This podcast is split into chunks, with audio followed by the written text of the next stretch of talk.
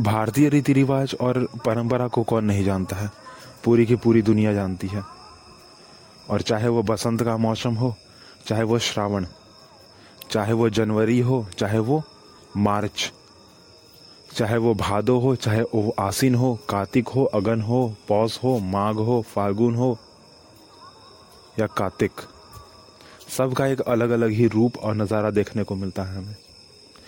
हर एक महीना, हर एक दिन अपने में ही एक अलग सी खूबसूरती बटोरे बैठा है। जब जब नज़र पड़ती है ना, पखवाड़े पे, जब नज़र पड़ती है पखवाड़े पे तो तो उसके बारे में भी जानकारी एकदम अलग उसका, उस जानकारी का रुतबा भी एक अलग होता है। और वैसे भी, अगर, वैसे तो तीस दिन का महीना होता है, परंतु अगर आप भारतीय रीति रिवाज और परंपरा को जाने अगर तो आपको पता चलेगा कि नहीं। पंद्रह दिन का पक्ष होता है। एक पक्ष शुक्ल पक्ष कहलाता है और दूसरा पक्ष जो है, वो कृष्ण पक्ष कहलाता है। पंद्रह पंद्रह दिनों का होता है। ऐसा कई बार होता है महीने में कि एक ही दिन, दो दिन हो जाते हैं। एक ही दिन जो है, दो दिनों का जो है पक्ष बन जाता है। जैसे एकादशी या द्वादशी। ज़्यादातर ऐसा होता है कि एकादशी या द्वादशी तो एक ही दिन है, या फिर द्वादशी, त्रयोदशी एक ही दिन है। ऐसा होता है। आप कैलेंडर अगर जो हमारा विक्रम संवत, जो कैलेंडर अगर आप उसको देखें, भारतीय परंपरा के हिसाब से जो कैलेंडर चलता है, ना, उस कैलेंडर को अगर आप अपने पास रखें, अपने सामने रखें तो आपको पता चलेगा। आप देख सकते हो। यहाँ तक कि पूरे के पूरे विश्व में और भारत में भी ठीक है, भारत में ही एक्चुअली मैं भी नहीं, मैं भी। विवाह विवाह के वक्त जो है उस वक्त को भी एक एक अलग अलग रूप दिया गया है। उस वक्त को भी जो है ना अच्छे से निखारा गया है, अच्छे से संवारा गया है। अभी वैसे नवरात्र का मौसम चल रहा है, और नौ दुर्गा के, का जो पूजा है, पाठ है, वो हो रहा है अभी। और उसी को याद में रखते हुए, उसी के याद में जो है कई अलग अलग जगह पर जो है अलग अलग तरीके से सेलिब्रेशन हो रहा है। अगर आप ध्यान से बैकग्राउंड में सुन रहे होंगे तो आपको आवाज़ आ रहा होगा कहीं दूर ठीक है कहीं दूर जो है आ, एक सेरेमनी चल रही है जहाँ पर महिलाएँ भी हैं पुरुष वर्ग भी हैं जहाँ पर बहुत सारे ताल मंजीरे पड़े हुए हैं जहाँ पर वाद्य यंत्र का ऐसा इस्तेमाल हो रहा है ऐसी झनकार बज रही है। मानो जो भगवान है अभी के अभी तुरंत जो है वहाँ आ जाएँगे। उनको बुलाया जा रहा है माँ दुर्गा को बुलाया जा रहा है। सेलिब्रेशन हो रहा है।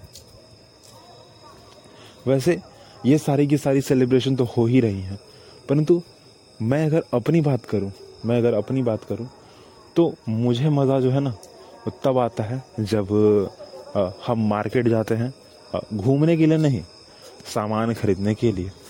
सामान किस चीज़ का भाई सामान खरीदना है। तो सामान खरीदना है पूजा पाठ का सामान खरीदना है। बहुत मौज मस्ती उस समय भी होती है हमारी। मौज मस्ती इसलिए होती है क्योंकि पैसे मिल जाते हैं। पैसे मिल जाते हैं, सामान की लिस्ट मिल जाती है। सामान की लिस्ट मिल जाने के बाद हम उस दुकान पर पहुँच जाते हैं, जहाँ पर वो सामान मिलेगा घर बता, घर के गार्जियन के द्वारा बताए गए दुकान पर ही हम पहुँचते हैं। परंतु कोशिश यह होती है कि कोई और दुकान भी चला जाए, कहीं और मौज मस्ती की जाए। थोड़ा थोड़ा समय बिताया जाए मार्केट में, क्योंकि दुर्गा पूजा का ही वह समय है, जबकि हमें अकेले मार्केट जाने दिया जाता था और हम खरीदारी करते थे खुद से वो भी। और मेरे लिए मतलब मेरे लिए तो बहुत बड़ी बात हुआ करती थी कि मुझे जो है मौका मिलने वाला है कि मैं कहीं बाहर जाऊँगा और मैं जो है खुद खरीदारी करूँगा। वैसे फल हो, सब्ज़ी हो, सजावट का सामान हो, या बाकी की पूजा पाठ के जो सामान होते हैं, वो सारे के सारे। हर एक चीज़। घर में पूजा पाठ होने का जो तरीका है, वो भी बड़ा सुंदर बड़ा अच्छा हुआ करता था।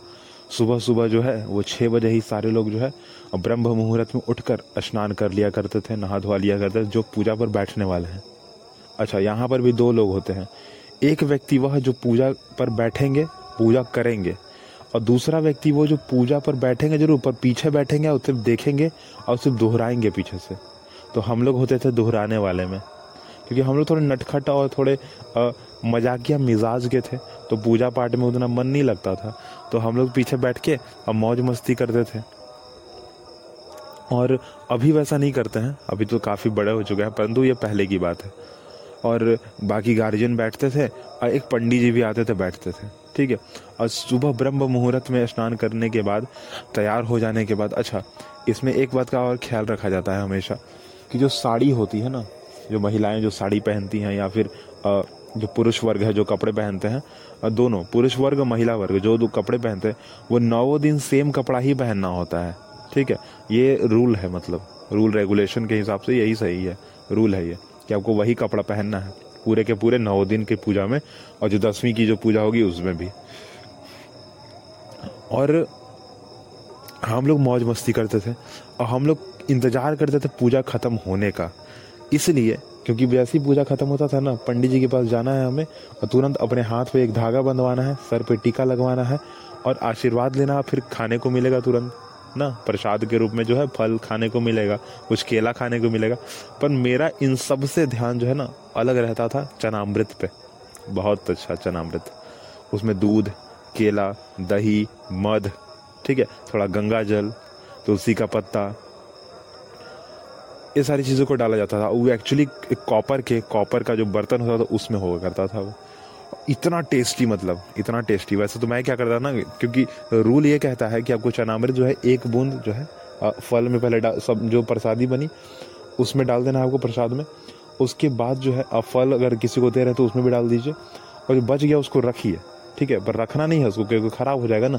नौ दिन पूजा होने वाला, नौ दिन अलग अलग चनामृत बनेंगे और नौ दिन होगी। तो नौ दिन मेरा ध्यान चनामृत पे होता था, क्योंकि उसमें टेस्ट बड़ा अच्छा होता था। और क्योंकि मुझे गुड़ बहुत पसंद था।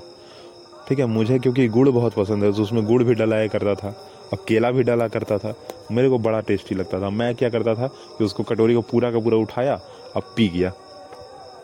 परंतु सभी को जो है ना आम के पल्लों से, आम के एक पत्ते से, आम के पल्लो मतलब आम का एक पत्ता, उसको आगे थोड़ा सा तोड़ के उससे सबको दिया जाता था। मैं जो है पूरा का पूरा कटोरी उठाता और एक बार में गटक जाता। कब भाई? जब सबको मिल जाता तब। और फिर प्रसाद हाथ में लेता, फिर खाता। ठीक है? मतलब मौज मस्ती का अलग अलग रेंज पर थी मेरी।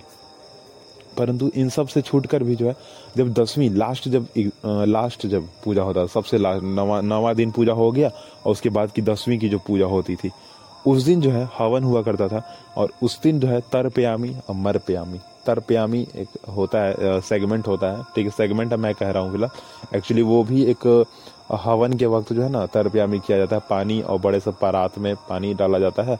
उसमें हवन का कुछ सामग्री होता है होता है, और उसी में तर प्यामी किया जाता है। उसमें भी आम का पल्लव जो है बड़ा इंपॉर्टेंट रोल प्ले करता है।